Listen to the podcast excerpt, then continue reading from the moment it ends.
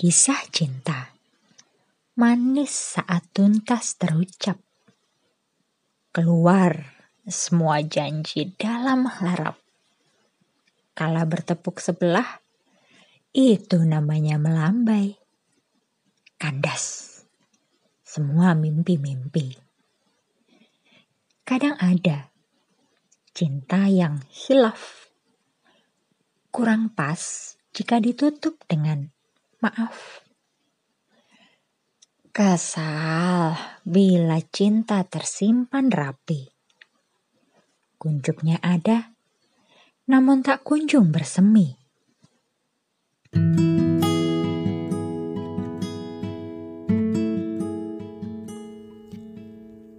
Dia tolong aku di airport.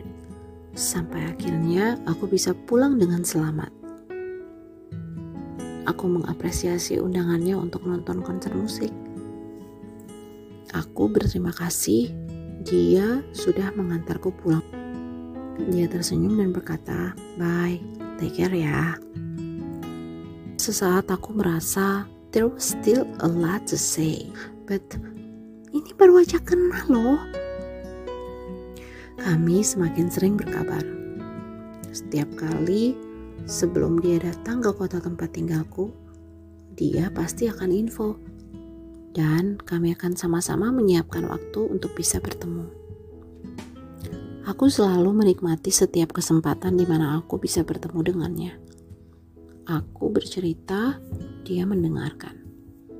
Pembawaannya yang tenang membuatku nyaman.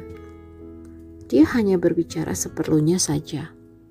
Dan aku suka saat-saat di mana hanya mata kami yang berbicara. Ada seseorang yang sudah lama mencoba mendekatiku. Kedua orang tua kami sudah saling mengenal, dan seseorang itu bermaksud mengajak aku menikah. Aku ingin tahu responnya, berharap dia akan cemburu dan mungkin mengungkapkan perasaannya. Tetapi tidak ada respon darinya. Aku menguatkan hatiku, mencoba berpikir positif. Dan waktu berlalu tanpa menghiraukan aku dengan perasaanku. Hey, I've got mail. I saw my inbox. Yap, that's him. Dia tidak cemburu sama sekali. Dia bahkan gembira aku akan menikah. Dan dia berharap Suatu saat nanti aku akan mengerti mengapa dia bersikap seperti itu. Sampai di situ aku tidak sanggup membaca lagi. Karena sesuatu yang tiba-tiba mengalir deras dari mataku. Aku terpaku di depan layar komputer. Aku bingung, aku marah. Mengapa rela jika aku harus menikah dengan orang lain? No way! Aku memutuskan untuk menghapus email itu tanpa benar-benar membaca sampai selesai. Aku menangis terseduh-seduh. Rasanya aku belum pernah merasakan hal yang menyesakan seperti itu sebelumnya. Aku bahkan tidak berani menyimpulkan perasaan macam apa itu. Bahkan di saat aku tahu bahwa aku sudah bertepuk sebelah tangan, aku tetap ingin bertemu dengannya. Berusaha untuk tidak lagi mencoba untuk berkomunikasi dengannya. Walaupun aku yakin kami masih bisa berteman dengan baik. Aku memilih untuk terus belajar menerima kenyataan dan lebih peka terhadap tanda yang aku minta dalam doa kepada Tuhanku. Waktu terus berlalu dan aku masih selalu mengingat dia, ya, selalu. Sahabatku bertanya, beneran kamu akan segera menikah?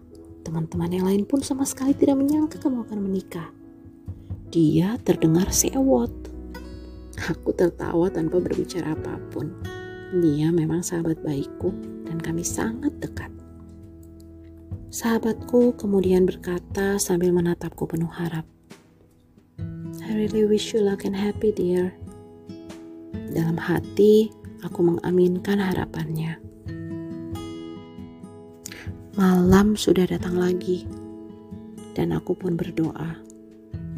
Tuhanku, aku tidak tahu apa yang akan terjadi di depan, tetapi aku yakin Engkau selalu bersamaku dan menuntunku menjalani hidup ini. Aku percaya semua yang terbaik hanya daripadamu. Amin.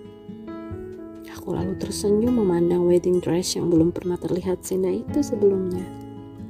Besok adalah hari pernikahanku dan aku harus cantik.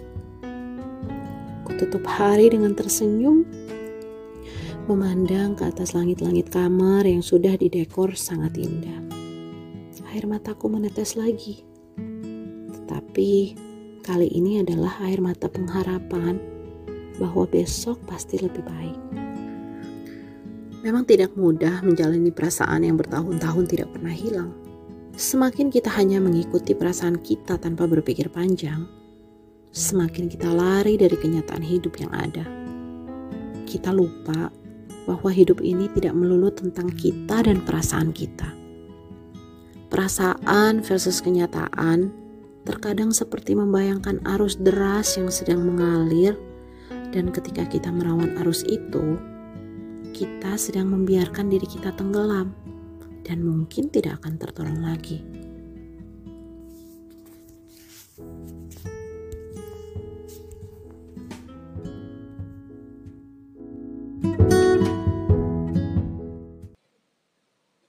gemuruh cinta.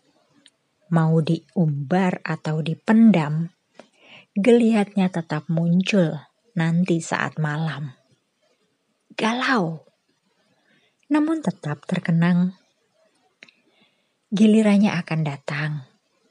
Cinta sejati saat dipinang.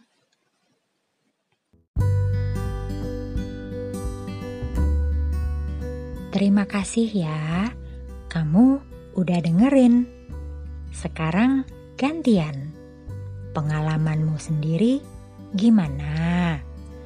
Cerita yuk sama Manda. Mengurai rasa jadi makna. thank you